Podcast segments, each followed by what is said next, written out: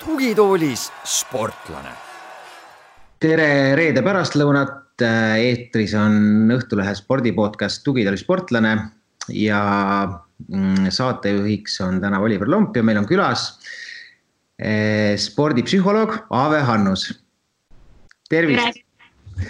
Eh, kuidas, kuidas nüüd see eriolukord on möödunud ja kas te olete saanud ka eh, topelttööd kuidagi, et kas on sportlased, kes on oma graafikut kuidagi endast olenematult sassi, sassi ajanud, et kas, kas see on pannud sportlasi ka rohkem nõu küsima? Ei, seda küll ei saa öelda niimoodi, et, et kuidagi topelttööd oleks. Need tööd, mida ütleme selle eriolukorra ajal on teha saanud, et nad on loomulikult hästi palju olnud seotud sellega, et kuidas selles olukorras toime tulla, kuidas üksinda treenimisega toime tulla, kuidas teadmatusega toime tulla. aga, aga kuidagi see töömaht suurenenud ei ole mm,. okei okay., nojah, et ega see koroonakriis ja eriolukord ja, ja liikumispiirangud äh, ei ole seotud küll ainult spordiga, aga, aga samas äh, sport, spordi, spordiga seotult on ikkagi väga erakordne aasta olnud, et suurvõistlused on edasi lükatud, mis on pretsedent, et viimati juhtus see äh, kolmekümnendate lõpus, neljakümnendatel teise maailmasõja paiku, et et kui palju see koroonakriis ja sellele järgnenud olukord, kasvõi see, et äh, sportlased peavad tühjade tribüünide ees äh, võistlema, et kui palju see nüüd võib sportlase pähe, peas muutusi tuua, et äh, kas see mõjutab mentaalselt sportlasi või, või on see ikkagi see uus normaalsus ja kõik lõppkokkuvõttes harjuvad olukorraga? eks see on ka väga-väga erinev, mis olukorras keegi sellesse kriisi jõudis et sportlased on väga erinevas seisus, eks ole, et paljud olid olümpiale kvalifitseerunud ja teinud oma plaanid, väga pikka aega plaane selle, selle nimel. mõne teise jaoks tuli jällegi see, see kriis ja olümpia edasilükkumine eh, peaaegu et eh, kergendusena et, et paljud said enda ravimisega tegeleda, võib-olla isegi operatsioonil käia, selliseid asju, mida, mida muidu olümpia äh, ei, ei oleks ette võtnud, et, et need on hästi-hästi erinevad, erinevad lood. ja, ja osade jaoks oli ta väga selgelt ka noh, sellist noh, vaadata, mis, mis kogu maailmas toimub, mitte, mitte ainult Eesti sport, sporti, vaid, vaid äh, erinevaid kogemusi, siis ikkagi paljude jaoks oli ka selline karjääri lõpetav kogemus väga selgelt. et, äh, et, et siin äh, on väga-väga-väga erinevaid lugusid ja ma arvan, et üldistust ei, ei tasu nagu teha, vaid vaadata ikkagi, et kuidas see ühele või teisele või kolmandale inimesele mõjus mm. -hmm. jah, et inimesed jah, tõepoolest on individuaal, igaüks on omaette indiviid, aga kas kas mingil määral koroona ja koroonapandeemia ja eriolukord, kas see annab ka kuidagi uue perspektiivi sportlasele äh, kui sellisele? noh, näiteks äh, mõni tuleb äh, eriolukorrast tagasi sama heas vormis või, või võib-olla isegi äh, kergelt füüsiliselt paremas vormis. Äh, mõni tuleb, on võtnud lisakilosid juurde, et kas see, kas see nüüd natukene näitab seda sportlase professionaalsust äh, nüüd, et kuidas sa siis ikkagi saad üksi hakkama? no eks ta toimetulekuoskusi vast küll näitab jah, et, et kui, kui hästi keegi suutis oma, oma oskused mobiliseerida ja toime tulla ja, ja niimoodi päevast päeva elades kriisi olukorras, ükskõik mis, mis kriisiga tegemist on, et kriisiolukorras kõige mõistlikum on ikkagi äh, elada ük, selles mõttes, et keskenduda üks päev korraga, keskenduda enda tervisega seotud äh, ja, ja suhetega seotud eesmärkidele, et midagi äh, ju pikemaid plaane ja, ja eesmärke võtta ei, võtta ei ole, ole mõtet. Ja, ja need, kes said sellega paremini hakkama, eks tulid sellest vast tänaseks päevaks paremini välja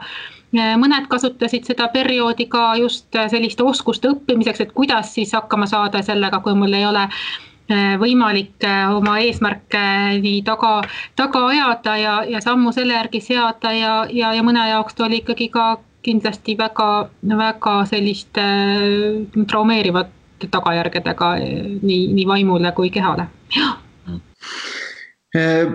võistkonnaalad äh, on natukene, ütleme, et võib-olla rohkem mõjutatud, et e-, esiteks see, et, et sa pead arvestama kellegi teisega, sa pead kokku mängima, sa pead kokku mängu harjutama. teine asi, kui me räägime päris, päris tipust, siis äh, oluline on ka publiku olemasolu, et siin on mitmedki mitmedki tiimid on, on sellised, et kodus mängivad väga hästi, aga võõrsil kuidagi ei tule. et see on siis see kaheteistkümnes mees, ütleme, kui me jalgpallist räägime, et, et kas see nüüd mingil määral selline tühjade tribüünides mängimine äh, võtab selle faktori ära ja võib-olla tulevadki esile rohkem need oskused ilma muutujateta, ilma selle, ilma selle kaheteistkümnenda meheta või äh, või kodupubliku toetuseta ja sama, samamoodi ka tegelikult eh, ilma eh, vaenulike võõrsil fänni, fännide segamiseta, et kas, kas nüüd on mingil määral oskused rohkem esil kui kunagi varem, kas võib niimoodi sellise mõttekäigu välja tuua? mõttekäiguna võib selle kindlasti välja tuua, sellepärast et, et, et noh, nagu te väga õigesti ütlesite, et see kodupublik võib aidata, samas äh, tegelikult mida finaalturniiri lõpupoole, seda, seda enam kodupublik pigem äh, tekitab survet, et tuletame meelde kahe tuhande neljateistkümnenda aasta MM-i poolfinaali äh, Brasiilias, eks ole. et, äh, et, et see, see kodupublikul võib olla ka veel väga, väga erinev mõju sõltuvalt, mis, mis olukorras parasjagu ollakse. aga, aga et põhimõtteliselt ma usun küll, et see, see ütleme, tühjade tribüünide ilma värviliste kisavate äh, tribüünideta äh, käratseva publikuta on teistsugune mängida ja, ja paljude paljude tippmängijate jaoks on see tõenäoliselt väga-väga frustreeriv äh,. sellepärast, et äh, seda, noh, see on ka spordipsühholoogiast üsna hästi äh, teada, et ikkagi see, see toetav toetav publik ja pigem aitab ennast mobiliseerida ja niimoodi üksteist üheteistkümne vastu mööda väljakut joosta on keerulisem mm. -hmm millised, millised üldse veel on sportlaste puhul kõige levinumad psüühilised probleemid, et, et jah, et näiteks maailma võib-olla läbi aegade üks parimaid jalgpallureid, Lionel Messi, ta teeb kõike väljakul väga hästi, aga kuidagi penalteid lüüa ei saa ja penaltite puhul räägitakse tihtipeale äh,, tihtipeale just sellest psüühika poolest. et et noh, tegelikult oskus palli lüüa ei peaks tal ju olemas olema, et ta ju, ta ju mängib ta lööb karistuslööke kaugelt sisse ja lööb igalt poolt väravaid, aga, aga penaltipunktis on ta protsent on üllatavalt madal, et, et kas kas see, kas see on selgelt seotud äh, psühholoogiaga? No arvata võib jah, et seda on, on päris palju uuritud, see penaltilöök ei peetakse, ütleme siis jalgpallis küll psühholoogiliselt kõige keerulisemaks situatsiooniks, kus need psühholoogilised tegurid äh, ikkagi vast kõige tugevamalt avaldavad äh, mõju sooritusele. ja, ja, ja lausa on ju välja äh, kujunenud sellised strateegiad, penalti löömise strateegiad, väravavahi töötlemise või siis väravavahiga pilk kontaktist hoidumise strateegiad, kuidas, kuidas keegi seda olukorda nagu käsitleb, et, äh, et kui te küsite, et, et mis on sellised nagu probleemid nii-öelda või raskused äh, sportlastel, siis tihtipeale nad, need on seotud äh, mingisuguse sellise sooritusolukorraga, kus, kus sa jõuad hakata mõtlema äh, selle peale, et missugused on sinu tegevuse tagajärjed, eks, et penaltilöögil on, võivad olla väga-väga suured tagajärjed ja, ja kui sul on aega mõelda selle peale ja, ja mõelda selle vastutuse peale Äh, siis äh, ja, ja siis see soov eriti hästi teha nüüd kuidagi ennast eriti hästi kokku võtta äh, tekitab tihtipeale selle, et, et, et me läheme siis kuidagi liiga pingesse, et me üritame enda oskusi, mis on muidu automatiseerunud, põhimõtteliselt me noh, et Messi ei pea mõtlema, kuidas ma seda jalga sätin või üldse, et millise jalaga ma lööma lähen, eks ju, kui ta väljaku pealt söödu annab või, või, või, või mingisuguse löögi teeb, siis ta ei mõtle selle peale teadlikult tegelikult, see on äh, selliste pika-pika äh, treeningu äh, tulemusel ajus tekkinud tegevuse jada ja, ja muster. aga kui sul nüüd järsku on aega mõelda selle peale, et ma pean minema lööma ja, ja, ja, ja mõelda kõikide tagajärgede peale ja tõenäosuste peale ja, selle peale, et, et kuhu see väravaht veel võib hüpata et, et siis see soov kuidagi eriti hästi teha viib selleni, et me hakkame neid automatiseerunud liigutusi kuidagi üle reguleerima, et me hakkame neid uuesti nagu teadlikult reguleerima, püüame eriti hästi teha ja siis tegelikult me selle automatiseerunud liigutusmustri lõhume ära. Ja sellepärast me teeme siis, teeme siis koordinatsioonivigu või, või, või otsustusvigu, sellepärast et me üritame midagi eriti eriliselt hästi teha. Et e-, Eesti sportlased on ka sageli öelnud pärast ebaõnnestusvõistlust, tahtmine oli liiga suur. Mm et kas siis on ka see, et lähedki krampi, sa lähed liiga palju mõtlema sellele, mida sa teed ja siis ei tulegi lõppkokkuvõttes välja? jah, et seal juhtub mitu asja, esiteks me võime teha äh, viletsaid otsuseid, sellepärast et kui me muutume ärevaks, hakkame muretsema tagajärgede pärast, mis nüüd juhtuda võib, et siis meie muutumine, meie mõtlemine muutub selliseks jäigaks äh,. kuidagi tähelepanu läheb kuidagi hästi-hästi kitsaks ja, ja me ei suuda enam nii paindlikult mõelda ja, ja nii, nii häid otsuseid teha, nagu me rahulikumas olukorras suudaksime ja, ja teisest küljest jah, just see, kuna, kuna sellise muretsemise, ärevuse, erutuse tõusuga suureneb lihaspinge, siis me ei koordineeri oma keha enam nii, nii lõdvalt, liigutused ei ole nii lõdvestunud ja sellepärast me teeme selliseid äh, motoorseid vigu mm. -hmm. millised on veel probleemid, millega, millega spordipsühholoog äh, inimesi aitab, et kas see, kas see on ainult nüüd võistlusmoment või on ikkagi treeningute puhul ka, et, et võib-olla inimene leiab mingil hetkel, eriti kui ei ole võib-olla kõige kõrgemasse tippu jõudnud, aga on seal lähedal, aga ta on aastaid olnud seal lähedal, aga kuhugi ei jõua ja siis tekivad motivatsiooniprobleemid, ma kujutan ette, et, kas ma ei olegi nii, nii hea, et, et mis, mis, millised on veel need et sellised põhjused, milleks tulla spordipsühholoogi jutule ja, ja saada nõu ja abi no kõige sagedasem on tõesti see, millest me alguses rääkisime, see eh, olukord, kus siis ei suudeta võistlustel realiseerida oma oskusi sellisel tasemel nagu, nagu treeningu eh, sooritus lubaks aga siis eh, see teine, mida te mainisite, on ka võrdlemisi sage. see küsimus, et kuidas treeningu motivatsiooni tagasi saada ja mitte isegi nii palju tippsportlastel, vaid, vaid, vaid noorsportlastel, kellel kellel äh, noh, näiteks äh, oskus endale ise eesmärke seada ei ole kuigi tugevalt arenenud, et nad on harjunud sellega, et nad lähevad trenni ja siis treener ütleb, mida teha ja, ja selline mingil, mingil hetkel, kui nad äh, jõuavad sellisesse, ütleme, viieteist, kuueteist aasta vanusesse, siis nad küsivad, aga kas see ongi see, mida ma tahaks ja tahaks kuidagi teistsuguse motivatsiooniga trenni teha, et. et see on ka võrdlemisi, need motivatsiooni küsimused on võrdlemisi sagedased äh, nagu noorte pöördumise põhjused ka kui palju üldse Eesti statistika põhjal on, et, et mis see protsent on, palju, mitu protsenti umbes kõikidest nõuküsijatest on, moodustavad siis noored ja, ja, ja, ja siis ütleme, et juba, juba päris sportlased, et kas see on kuidagi viiskümmend, viiskümmend või on, noh, kuna noori on tõenäoliselt rohkem, siis mm. noori ongi ilmselt rohkem, ma kujutan ette. jah, et ega me statistikat teinud ei ole, pöördumiste statistikat äh,, aga äh, ütleme äh, minu kogemus on see, et, et vast äh, pooled on tippsportlased ja, ja pooled noorsportlased, võib-olla isegi noorsportlasi on noh, just ka natuke, natuke rohkem, sellepärast et enamus spordiga tegelejaid on ju tegelikult noored see, see on, see on ka selline üle maailma niimoodi, et, et ikkagi lapsevanemad, kes on huvitatud oma laste arengust, päris hea meelega pöörduvad spordipsühholoogi poole, mitte ka siis, kui, kui probleemid tekivad, vaid, vaid ka just selleks, et, et, et probleeme ei tekiks, et, et osa, õpetada oskusi juba sellisele noorele arenevale sportlasele selleks, et siis hilisemat probleemide tekkimist ära hoida mm. -hmm. kas siin meeste ja naiste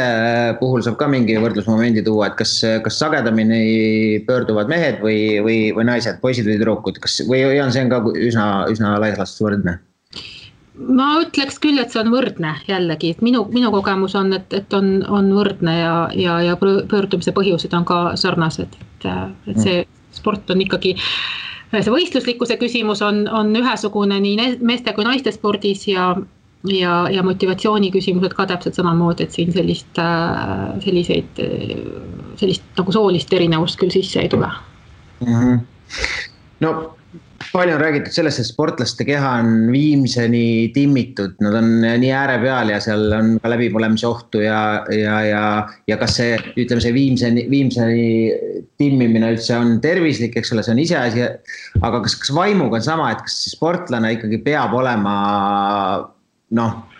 ka vaimult üliinimene, et kogu selle pinge ja selle, selle treeningu ja selle ootustega toime tulla, et kas, kas, kas ka, ka vaim on neil ikkagi selline piiripealne või see on hästi individuaalne? Eks ta on individuaalne, aga, aga selge on ka see, et selleks, et olla stabiilselt tipus, just nimelt, et mitte, mitte läbi põleda, et toime tulla eh, tagasilöökidega, toime tulla vigastustega, mis ka spordis on noh, tegelikult eh, ikkagi väga-väga sage asi, pigem, pigem nagu selline äh, saatja kogu aeg, et, et sellise äh, tippspordi äh, pingega toime tulla, et selleks peavad olema head psühholoogilised oskused, toimetulekuoskused, stressi juhtimise oskused et see on tegelikult noh, ka kõikides teistes eluvaldkondades ju niimoodi, et, et selleks, et stabiilselt tipus püsida ja, ja stabiilselt sellist kõrgsooritust teha nii-öelda, et selleks pead ikkagi päris, päris heas, heas seisus olema või head, heade oskustega olema, et seda seisundit saavutada mm. -hmm. kunagi aastaid tagasi Erki Nool, kes on äh, erinevate värvikate väljaütlemiste poolest eh, tihtipeale kuulsus kogunud. Ehm, rääkis, et eh, Eesti atleetide eh, probleem on selles, et nad on liiga head inimesed, et peaksid olema rohkem nahaalsed, et toodi ka, tõi ka välja, et inimtüüp, kes ei paku trammis või trollis vanemale inimesele istet, noh, see oli muidugi natuke liialdus, aga, aga ütleme, et ta siis nii värvikalt selle välja tõi, et kas, kas spordis see nahaalsus, kas see on ikkagi selline mis, mis aitab, äh, aitab tippu jõuda. ma veel toon korra võrdluseks, et äh, äh, dokfilm, dokseriaal Michael Jordanist, The Last Dance portreteeris ka Jordanit ikka sellisena, kes tegelikult ma kujutan ette, et seal tema meeskonnakaaslane tollel ajal olla oli paras, paras piin, sest ta ikkagi, ikkagi sind noris ja ta sind ikka kutsitas nii kõvasti ja, ja seal oli ka meeste näoilmes tihtipeale treeningul näha, et noh, et ega nad väga mugavalt ei tundnud teatud Jordani repliikide peal, et kas, kas päris, päris, päris kõige parem olla, sa pead ikkagi olema mingis mõttes eh, nahaalne kuju? ma küsiks nagu tagasi, et äh, et et, et mõtleme nende Eesti sportlaste peale, kes on olnud stabiilselt maailma tipus ja ei ole nahaalsed. Gerd Kanter. Gerd Kanter, noh tavaliselt tead, kui me hakkame küsima, et, et, et kes, keda, kui ma küsin ka tihtipeale just sellest samast Erki Noole äh, nagu repliigist äh, ajendatuna, ma hakkasin küsima inimeste käest, et, et, et keda te tahaksite nagu oma lapsele iidoliks Eesti sportlastest, siis tegelikult ikka pakuti, no ole, Gerd Kanterit äh, Äh, pakuti Mart Poomi, pakutakse, pakuti Rasmus Mägi, äh, Marko Albert, et, et, et ma arvan, et meil on olnud ka, ka piisavalt palju selliseid äh, näiteid, kelle, kelle käitumine on, on teistsugune, et ma pigem arvan äh,, olen seda meelt et, et see oskus nagu kriitilises olukorras õigetele nuppudele vajutada äh, äh, väikses olukorras, et, et see, see ei tähenda seda, et sa pead kuidagi vastik inimene olema. et see on pigem nagu rollikäitumine, et ma võin olla äh,, ma võin käituda ühtviisi võistlusolukorras, kui ma tean, et see annab mulle mingisuguseid eeliseid või kui see aitab äh, võistkonnakaaslasi mobiliseerida. samas on, äh, on sportmängudes ka väga palju äh, teada ju neid kogemusi ja neid näiteid, kus selline kritiseerimine eh, ja, ja negatiivne eh, suhtlemine tegelikult eh, jällegi osadel võtab motivatsiooni ära ja, ja osad, osad põletab läbi. ehk et meeskonnaalade peal juurest tuleb nagu eriti vaadata, et kellele sa mida ütled ja, ja seda ka tipptreenerid oskavad ära kasutada, et, et kel-, noh, et, et kellel, kellel, kellele ma natukene teravamalt ütlen, kelle peale ma häält tõstan ja, ja kellele, kellele on tarvis õla peale patsutada see ei tähenda seda, et, et kõik peaksid kuidagi äh,, kuidagi eriliselt nahaalsed või, või eba, ebameeldivad ja vastikud inimesed olema, et see pigem jällegi on, on nagu alati selle inimese isiksuse ja, ja olukorra vastasmõju, ma arvan mm. -hmm noh, see on vist nüüd küll äh, ära tõestatud igas mõttes, et äh, kui me räägime noorte treenimisest, siis see karjumine tegelikult äh, ei aita, et pedagoogi, pedagoogiline lähenemine on ikkagi oluline, et. et ma lugesin siin just hiljuti ühte huvitavat raamatut, kus tõenäosustest ja, ja juhuslikkusest ja, ja seal mainiti mm, üks lektor rääkis Iisraeli õhujõudude instruktoritega ja, ja ütles oma mõtte välja, et, et see, kas sa kiidad oma õpilast või siis sa oled ta peale hästi kuri pärast sooritust, noh, kas ebaõnnestunud või siis head sooritust. et see tegelikult ei avalda mõju, siis äh, instruktorid äh, Äh, vaidlesid vastu, äh, ütlesid, et jah, et minul on küll nii olnud, et kui keegi teeb õudselt kehva lennu ja ma olen ta peale kuri, siis äh, järgmine kord ta teeb paremini ja siis vastupidi, et kui kiidan, siis järgmine kord teeb keskpäraselt. Et samas toodi seal välja, et, et tegelikult lihtsalt see oli üks ebaõnnestunud näide, see kehv sooritus, et see parem nüüd sooritus või kesk, ütleme siis keskpärane sooritus ei tulnud mitte sellest karjumisest, vaid, vaid lihtsalt inimese tase ongi keskmine selline, et, et kas, kas te olete sellega nõus, et, et selline hirmu, nagu siin nõukaajal oli ilmselt, võib-olla palju sellest räägitud, et nõukogude ajal ikkagi treenerid olid sellised käredad ja sa olid, said kogu aeg nii-öelda piitsa ja nii edasi, et kas, kas need ajad on ikkagi, on, on see tõestatud, et see, see on ikkagi läbi, et see ei ole nagu, see ei ole jätkusuutlik, selline, selline hirmu valitsemise all treenimine ja kindlasti see ei ole jätkusuutlik. Äh, sellepärast, et äh, ühest küljest äh, me peame aru andma, et, et see, kui sinu peale karjutakse, võib tõesti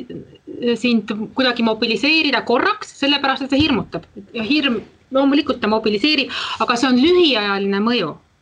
et kui me vaatame, mis on selle pikaajaline mõju, siis pikaajaliselt selline käitumine äh,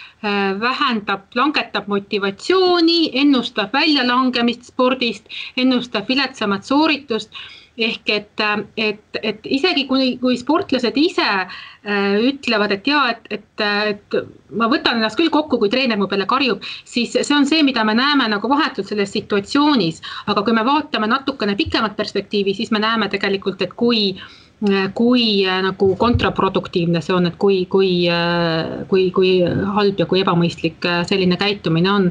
Ehk et, et me võiksime mõelda ka selle peale, et mitte lihtsalt, et me, me teame, et, et karjumine ei ole kuidagi pedagoogiline.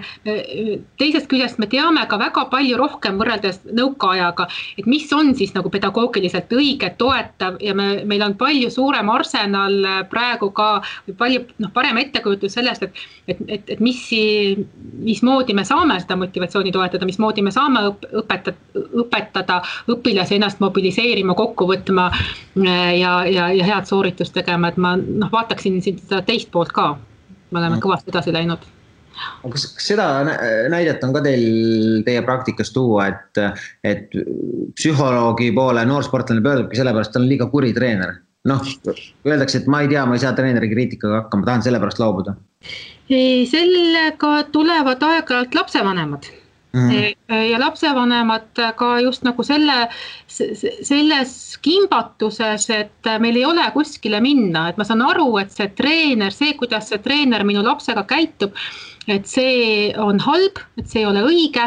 aga mul ei ole kuskilt äh, teist treenerit võtta, et, et lapsevanemad on hirmus hädas ja siis tegelikult peabki lapsevanemale selgitama, et, et me võime ju proovida õpetada seda last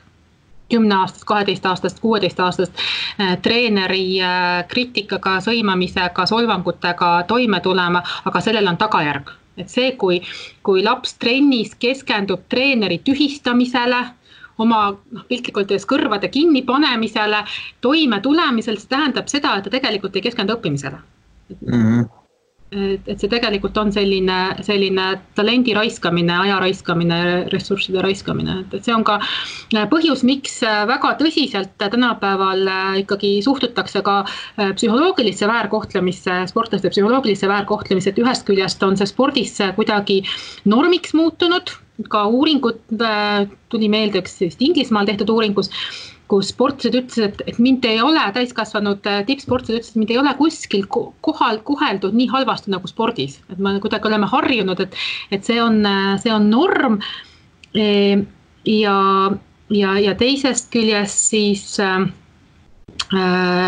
noh, tuleb nagu arvestada, et, et, et psühholoogilised väärkohtlemised võivad olla väga suured tagajärjed ja mitte ainult indiviidi tasemel inimesele, et temad alt jäävad äh, realiseerimata, vaid ka spordile üldiselt, et see on, see on suur, suur raha raiskamine. me voolutame basseine ja, ja, ja ventileerime spordihalle ja, ja see töö läheb seal untsu selle pärast või ütleme, et osaliselt raisku selle pärast, et, et, et, et, et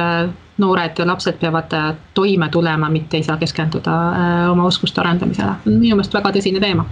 Eks see tippspordis on ka, et kui täiskasvanud maailma tuleme tagasi, siis, siis äh, kaks ametit, mis saavad alati kriitikat, on sportlased ja poliitikud. et see lihtsalt ei, sa ei pääse mitte kunagi sellest, et kui sa ebaõnnestud, siis ikkagi on neid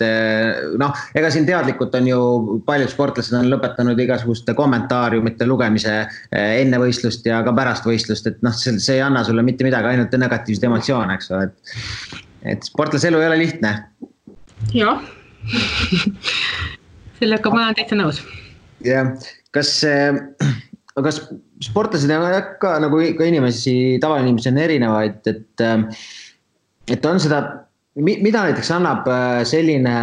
asi nagu trash talk, mida, mis on siis võitlusspordis äh, hästi levinud, kus siis äh, no tihtipeale on seal kindlasti taga mingid show elemendid, võib-olla see on nii-öelda kohustuslikuks kellelegi tehtud, aga, aga noh, tihtipeale ikkagi ei ole, et see läheb, läheb teinekord ka üle piiri, et, et siin on, siin on noh, eriti ütleme, et raskekaalupoks on meil äh, selline glamuurne spordiala, millest ikka räägitakse ja seal on ikkagi kohati väga koledad väljaütlemisi, ma söön su lapsed ära ja, ja, ja mis iganes, et kui, kui jobu see vastaspool ei ole, et, et mida see trash talk annab, kas see, kas see, kas see pigem näitab äkki äh, selle, selle selle trash talk'i ja nõrkust, kas see on tema mingi kaitserefleks või mingisugune kindel meetod, et ta nüüd peab nii tegema, et vastast hirmutada, et mis, mis selle taga võib olla? selle taga on see soov, kas vastast hirmutada, tema motivatsiooni kuidagi destabiliseerida, eks ole, et äkki mul läheb korda öelda midagi sellist, mis teda hirmutab, endast välja viib, vihaseks ajab, kuidagi, kuidagi nagu destabiliseerib. Ja see ei ole mitte ainult mm, selles mõttes nagu otseselt võitlusaladel, vaid, vaid ka muudel aladel, noh, korvpallis on ka trash talk ikkagi või, ja, ja pallimängudes võrdlemisi sage, kus eesmärk on jah segadust tekitada, eks ole, takistada vastaste omavahelist äh, suhtlemist ja nii edasi. et, äh, et, et küllap äh, see eesmärk on see, see, eks ole, vastase, vastase mõjutamine kõikide vahenditega. no agressiivne käitumine oma olemuselt ja, ja, ja, ja, ja mõnikord äh, see siis õnnestub õigele nuppule vajutada. küsimus on nagu väärtustes, et, et, et paljude sportlaste jaoks jällegi ei ole nagu vastuvõetav selli-, sellisel moel käitumine, et äh, nii nagu igasuguse agressiivse käitumisega spordis, agressiivne käitumine on õpitud käitumine, kui sa oled selgeks õppinud, et sa võid vastast sellega mõjutada ja mitte midagi ei juhtu ja karistada ei saa ja, ja, ja pigem võid oma eesmärgi saavutada, siis äh, loomulikult kasutatakse seda äh, nii kaua, kuni, kuni seda kuidagi ei sanktsioneerita. Aga kas ütleme, et need, need inimesed, kes ütleme plats, palliplatsil siis just äh, ikkagi, ikkagi konkreetselt ütlevad päris õudseid asju, et meil siin Eesti Jalgpalliliigast on üks, üks näide just äh, kuu tagasi toimunud premium-liiga kohtumises, kus siis noor mängija äh, lubas äh, põlved sisse sõita lege-, legendaarse Konstantin Vassiljevi, et, et kas see, kas see pigem sellised momendid näitavad äh, seda, et lihtsalt sportlasel võistlusmomendis väga pingelisel, viimased minutid on käimas, tekib afektiseisus ja sa ei ole sina ise või siis on ikkagi see alge olla väga agressiivne sinus sees olemas? seal on nagu mitu asja, üks küsimus on juba see, et mis on, et need, seda agressiivsust nagu on erinevat, et see võib selline väljend, et ma löön sul jalad, põlved sisse või midagi, et see, see võib olla kaalutletud eks ole, et ma meelega teadlikult teen seda selleks, et, et sind kuidagi, kuidagi endast välja viia. aga see võib olla ka see, mida te nimetasite, selline, selline afektiseisundis, et sa lähed nagu nii vihaseks, et silme eest on täiesti must ja sa lihtsalt reageerid kuidagi ja, ja, ja ei, ei teadvusta, mida sa teed. ja tihtipeale need, need kaks põhjust on veel kuidagi läbisegi ka. ehk et on raske öelda, mille pärast üks konkreetne sündmus juhtub, aga, aga, aga mida küll on teada, on see, et, et see agressiivne käitumine pigem nagu vallandub, ühest küljest oled õppinud selgeks, et on okei okay Äh, või kuidagi, et see, see aitab, või võib sind aidata sinu eesmärki saavutada. Ja teisest küljest äh, sporditingimustes, nagu te ka see mängu lõpus väsimuse foonil on ennast raskem kontrollida, enesekontrolli võime Äh, on, on, on kehvem äh, võib-olla valufoonil, eks mis äh, on juba, juba kogetud, võib-olla kuskil praegu, praegusel hetkel valutab. kaotusseisus olles veel viimasel, ütleme, kui aeg hakkab otsa saama jäähokis ka viimasel kolmandikul, kui mitte midagi enam teha ei ole, eks ole, siis tekib siin agressiivne käitumine, et, et siin on jälle selliseid erinevaid tahke nagu, nagu ikka käitumise puhul ja noortel võib-olla tuleb see hõlpsamini ka, et noh, kasvõi kui tavaelu, ellu tagasi tulla, siis äh, teismelised lapsed tihtipeale ütlevad oma vanematele asju, mida nad tegelikult ei mõtle. et äh, noh, tüli, tüli käigus nii-öelda, et öeldakse koledaid asju, et mida nad kindlasti tegelikult ei, ei mõtle, et see on, siin ilmselt tuleb, tulebki see inimlik faktor sisse, et sa, sa muutud teatud olukordades. ja teatud olukordades nagu see lävi läheb madalamale, jah mm. -hmm. Äh, tippsportlased äh, tihtipeale, ma kirjutasin üks võib-olla juba kümme aastat tagasi artikli sellest, et et äh, väga paljud tippsportlased äh, kaotavad ennast ära, kui nad äh, tippspordiga lõpparve teevad, tuleb äh, väga suur äh, kehakaalu tõus, siin on jälle palju häid näiteid jalgpallist ja, ja, ja tuleb alkoholism ja, ja üldse sellist suurt elu põletamist, et, et millest see tuleb, et kas see, kas, kas see mulle ka Raio Piiro ütles sellesama loo raames, et sportlasete puhul unustatakse ära seda, et nende karjäär kestab ju palju lühem, lühemat aega, et kui sa saad mõne muu äh, Äh, ütleme, et ametiga tegeleda sisuliselt surmani, äh, kaugele vanadusse välja, siis äh, sportlase karjäär lihtsalt millalgi lõpeb ära ja tal ongi väga raske välja, kas see ongi see, et kas, kas või, võib lihtsalt tulla see, et ma lihtsalt kaotan ennast ära, sest mul, mul ei ole nagu, ma ei oska enam midagi teha? jah, et kui üks asi, millega me peame arvestama, on see, et et see tippspordiga või võistlusspordiga hakatakse tegelema ka suhteliselt varakult ja, ja sellises eas, et see äh, sportlaseks olemine, edukaks sportlaseks olemine saab nagu osaks sinu identiteedist, eks ole, et mõtled, et lapsed hakkavad tihtipeale sedasama jalgpalliga ka ju lausa lasteaias äh, kokku puutuma. Ja, ja need, kes siis osutuvad edukaks, et, et nende suur osa nende teadlikust elust on toimunud selle nimel, et saada heaks sportlaseks ja siis, äh, kui ja siis juhtub ka tihtipeale niimoodi, et kui nad ka proovivad mingisuguseid muid rolle oma elus, siis äh, ei saa neid eriti hästi arendada, eks ju, sa ei saa äh, väga kaua paralleelselt olla äh, koondise väravavaht ja käia muusikakoolis, eks ole, et mingil hetkel hakatakse seal neid valikuid tegema ja, ja, ja, ja, ja kujunebki selline tihtipeale selline võrdlemisi nagu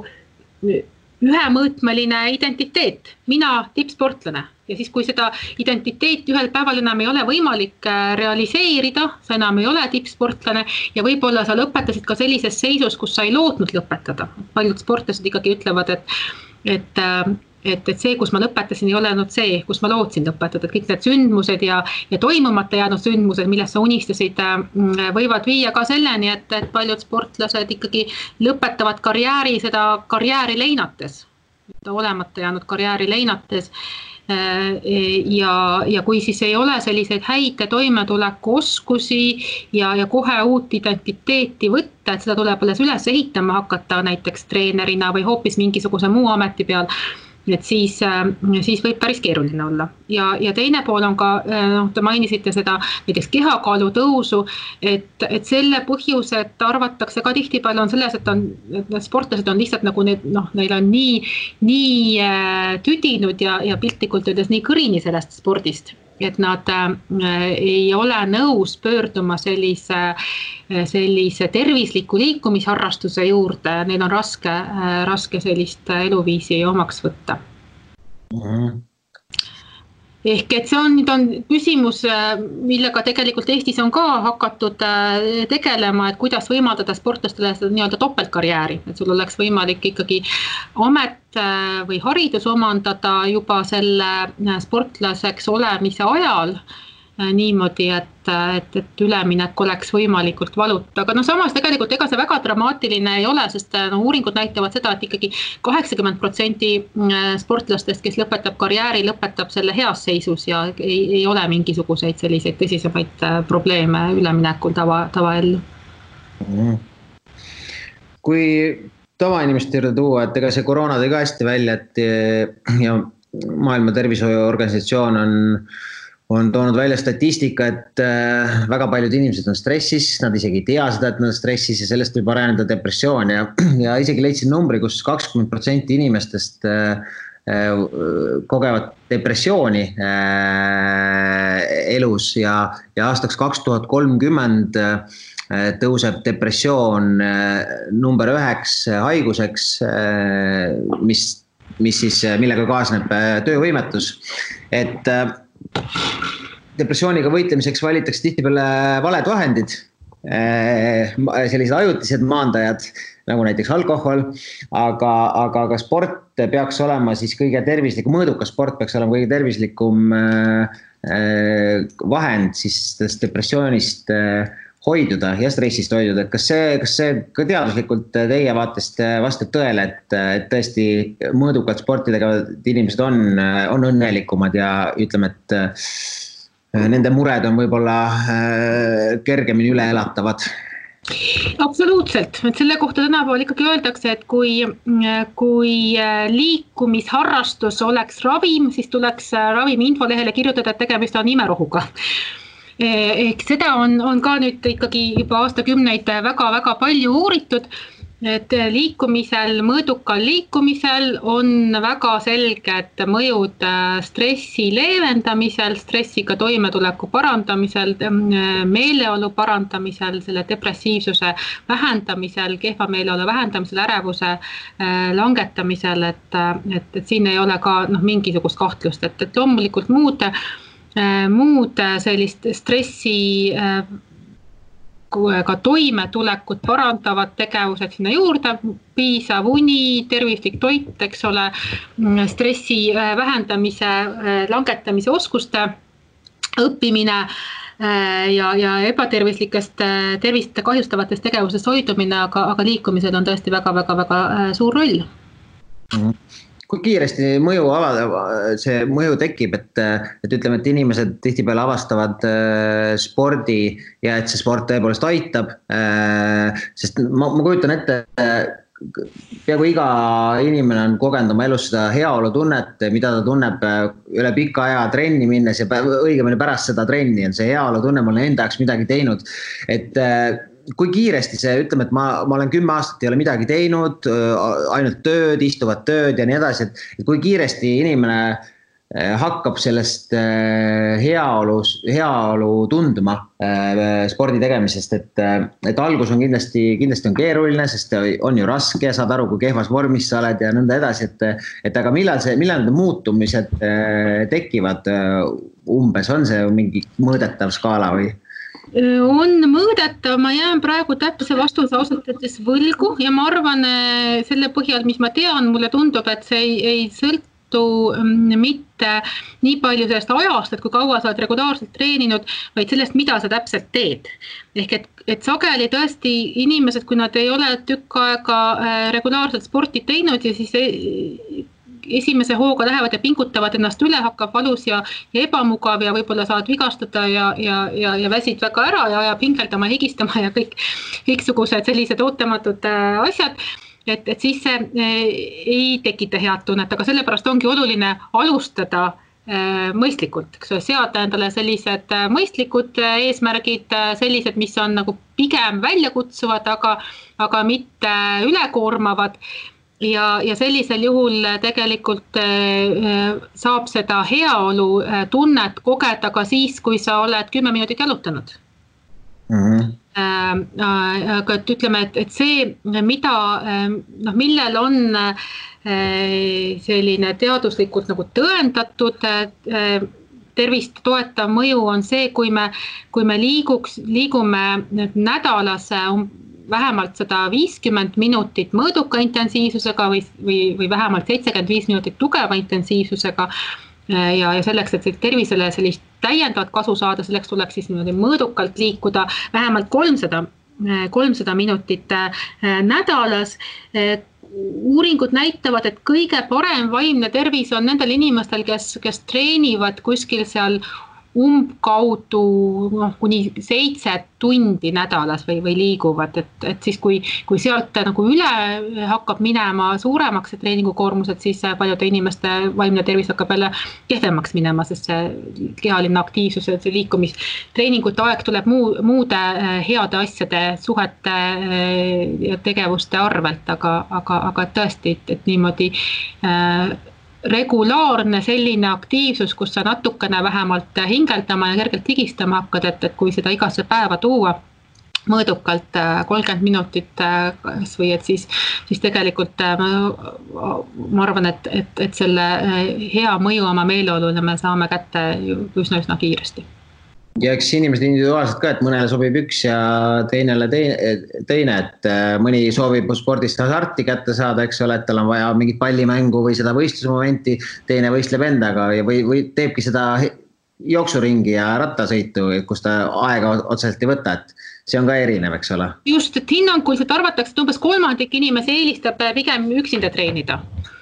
ja et mhm. inimestel on äh, mitmeid erinevaid motiive, miks nad trenni teevad, mis, mis põhjustel nad trenni teevad ja inimestele meeldivad erinevad, äh, erinevad tegevused ka, et, et see, see kehaline aktiivsus ei pea ju olema jooksmine, see võib olla äh, rahvatants või, või, või matkamine või koerasport või mis iganes, et pigem on oluline see, et see tegevus pakuks rõõmu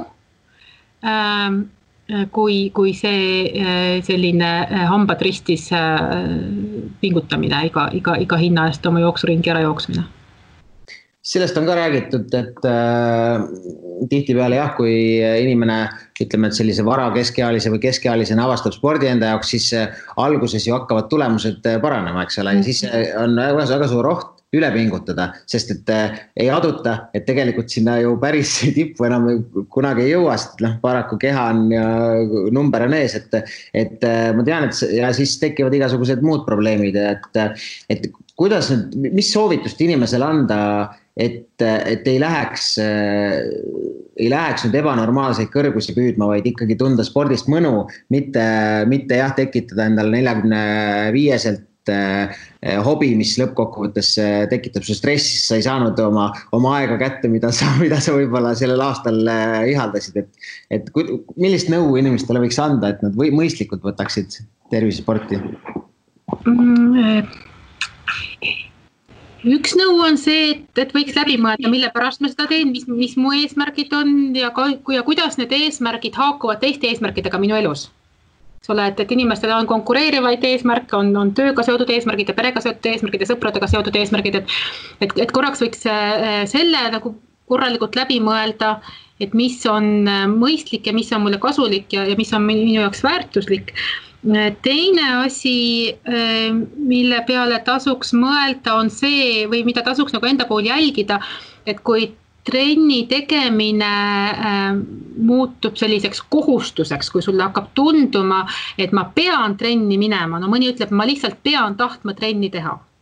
Siis see on märk sellest, et, et sa mitte enam nii väga ei taha, vaid et sulle tundub, et sa oled kuidagi sunnitud seda tegema ja, ja, ja siis see, see sunnimehhanism on tihtipeale just seesama nagu see, see hea enesetunne, mille sa saad treeningu tagajärjel. ja, ja niimoodi võib tõesti kujuneda ka treeningu nii-öelda treeningu sõltuvus, see tähendab siis seda, et, et kus, kus me vajame nii nagu muude sõltuvuste puhul järjest suuremaid koguseid selleks, et seda endist toimet saada, on tarvis veel rohkem trenni teha ja veel rohkem trenni teha. Ja, ja kui trenni teha ei saa, et siis muutud ärevaks ja, ja võib-olla käed hakkavad värisema ja, ja, ja tekivad täitsa sellised nagu, nagu, nagu ärajääma nähud. Et, et, et seda äh, sellistel juhtudel ikkagi tasub äh, otsida täitsa sõltuvusspetsialisti abi, sellepärast et et, et sõltuvus on sõltuvus ja, ja see täidab mingisugust, mingisugust rolli sinu elus nii-öelda, et aitab sul millegi, mingisuguste asjadega toime tulla, et, et selle äh, sellise treeningu sõltuvuse kujunemise vältimiseks tegelikult soovitatakse varieerida treeninguid. et need ei oleks sellised monotoonsed äh, jooksutreeningud, äh, treeningusõltuvus sageli kujuneb sellise vähest äh, vaimset pingutust nõudvate tegevuste foonil. et, et, et, et selline eh, ainult monotoonne jooksmine või ainult selline sunduslik eh, ujumine võib, võib küll sinna viia, et ma lähen ujuma selleks, et head enesetunnet saada ja, ja see, mis, mis kodus toimub, mida mu pere sellest arvab, et see, sellest ei ole enam sooja ega külma, et siis, siis me võime tõesti rääkida treeningusõltuvust, et pigem nagu tasuks varieerida, tegeleda mitmesuguste spordialadega, et ühel päeval käid jooksmas ja teisel päeval võib-olla sõpradega korvpalli mängimas ja nii edasi. Et, et siis on, on ka šansid paremad aga jah, ideaalmaailma selles mõttes ei ole olemas ja eks ikka inimeste probleemid äh, jätkuvad ja ikka on neid, kes abi otsivad. ma saan aru, et äh, nüüd on meil kasvamas peale uus spordipsühholoogide põlvkond kas äh, saate sellest ka lõpetuseks täpsemalt rääkida, et äh, nüüd on vist ametlikult Eestis õpetatakse spordipsühholoogiks inimesi? Ametlikult ütleme, et meil õppekava ametlikult ei ole, aga, aga äh, tõepoolest Eestis on nüüd olemas spordipsühholoogi kutse ja eelmisest aastast Eesti Psühholoogide Liit ka seda kutset saab välja anda. Ehk et niimoodi, nagu meil on olemas äh, kliinilised psühholoogid ja koolipsühholoogid ja psühholoog-nõustajad, on siis olemas ka, ka spordipsühholoogiks äh, spetsialiseerumise võimalus, mis tähendab siis sellist äh, psühholoogia magistri tasemel väljaõpet ja, ja sellele järgnevat residentuuri aastat ehk siis juhendatud praktikat ja, ja Tartu Ülikoolis tõepoolest me oleme selle, selle sellise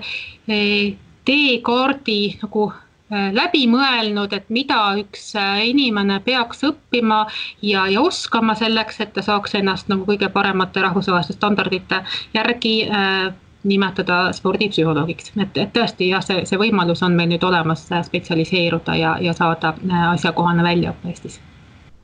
ja kui te nüüd peaksite reklaami sellele tegema, et miks siis spordipsühholoogiks tulla, et ma saan aru, et, et tuleb kaks komponenti peavad äh, kattuma. Äh, huvi spordi vastu ja, ja siis huvi inimese mõistuse ja käitumise vastu. on, vastab tõele? Enamasti ta niimoodi on jah, et, et, et spordipsühholoogiks äh, tahavad saada inimesed, kes armastavad sporti ja kelle jaoks see, see inimese käitumine on, on kuidagi huvitav ja, ja, ja väljakutsuv. Ehk kui me seda, seda mõtet hakkasime juba vist peaaegu kuus aastat tagasi tasapisi idandama, et spordipsühholoog ei ole ju mingisugune uus valdkond või, või uus eriala. Euroopa Spordipsühholoogia Föderatsioon tähistas eelmisel aastal oma viiekümnendat aastapäeva. Kölni spordiülikoolis Psühholoogia Instituut tähistas ka eelmisel aastal oma viiekümnendat aastapäeva et see, see, see tegelikult ei ole enam nii, nii uus valdkond sugugi, aga kui me siin Eestis hakkasime selle nimel mõned aastad tagasi tööd tegema, siis me mõtlesime küll läbi Eesti Psühholoogide Liidus selle, et, et meil võiks kümne aasta pärast olla, ütleme, kolmkümmend kutsega spordipsühholoogi. Eh, spordipsühholoogi töö tänapäevane ei, sarnaneb Äh, pigem nagu sellise koolipsühholoogi tööle rohkem kui, kui kliinilisele või nõustamispsühholoogile, et, et, et tänapäevane äh, spordipsühholoog on pigem inimene, kes äh, töötab spordiorganisatsiooni juures ja vaatab läbi kogu organisatsiooni, et mis on need, need sellised kitsaskohad või arenguvõimalused erinevatel staadiumit, ütleme, erinevatel nagu organisatsiooni tasemetel, et kust saab äh, siis õpetada mingisuguseid oskusi, kust saab mingisuguseid kitsaskohti kõrvaldada selleks, et inimesed saaksid spordis oma eesmärke realiseerida ja, ja sealjuures vaimselt äh, terved olla ja, ja psühholoogiliselt äh, areneda mm. -hmm. et igal juhul, kui, kui selline huvi on olemas, siis nüüd on, nüüd on tore väljund, kus siis, kus siis saada targemaks ja saada ka kutse kätte jah, jah, niimoodi see Tartu Ülikoolis on meil mõeldud. see kaks tuhat kakskümmend ei ole just kõige meeldivamate aastate eh, kilda läinud, et siin on eh, siin maailmas ja, ja ka Eestis on igasuguseid hirmutavaid äh, hirmutavaid teemasid õhus ja, ja me ei tea üldse, kuidas see aasta veel lõpeb, et, et inimestel on ka raske, räägitakse siin igasugustest mustadest stsenaariumitest, kas te psühholoogina annaks lõpetuseks inimestel laiemalt, see nüüd ei pea nüüd olema sportlased, vaid üldse, et kuidas säilitada positiivset meelt sellises, sellisel keerulisel ajaperioodil meie, meie ühiskonnas. et kas, kas on mingeid nippe, nippe, kuidas, kuidas raskustega paremini toime tulla, kui need peaksid tulema, enda isiklikku elu ka puudutama? no eks see kõige, ma arvan, et universaalsem ja paremini teostatav äh, nipp nii-öelda või, või strateegia on see, kui ikkagi keskenduda nendele asjadele, mida sa oluliseks pead. mõelda, mis on sinu jaoks tähtis, tervis, perekond, head suhted äh, ja, ja mõelda selle peale, mida ma saan teha et, et neid asju kuidagi toetada, et me ei saa, me ei saa seda Äh, viirust kuidagi olematuks teha, me ei saa neid äh, protsesse, mis ühiskonnas toimuvad, äh, selle tõttu indiviidina kuidagi pidurdada, aga me saame midagi teha oma peres, me saame midagi teha oma tervise heaks, me saame midagi teha oma, oma suhetes, me saame mõjutada seda, kuidas me mõtleme. me saame mõjutada seda, kuidas me teiste inimestega käitume, et, et see selline igapäevaste maiste asjade tegemine sellisel moel, et enda süda oleks rahul, on, on ainukene selline mõistlik strateegia sellistel keerulistel aegadel jah, head inimesed, kasutage siis keerulisi aegu enda sissevaatamiseks ja enda lähedaste eest hoolitsemiseks ja ja loomulikult Õhtulehe podcast'i kuulamiseks, et aitäh, Aave, Annus, et äh, jagasite mõtteid meiega. ja, ja juba järgmisel reedel kohtume uue külalisega. Oh..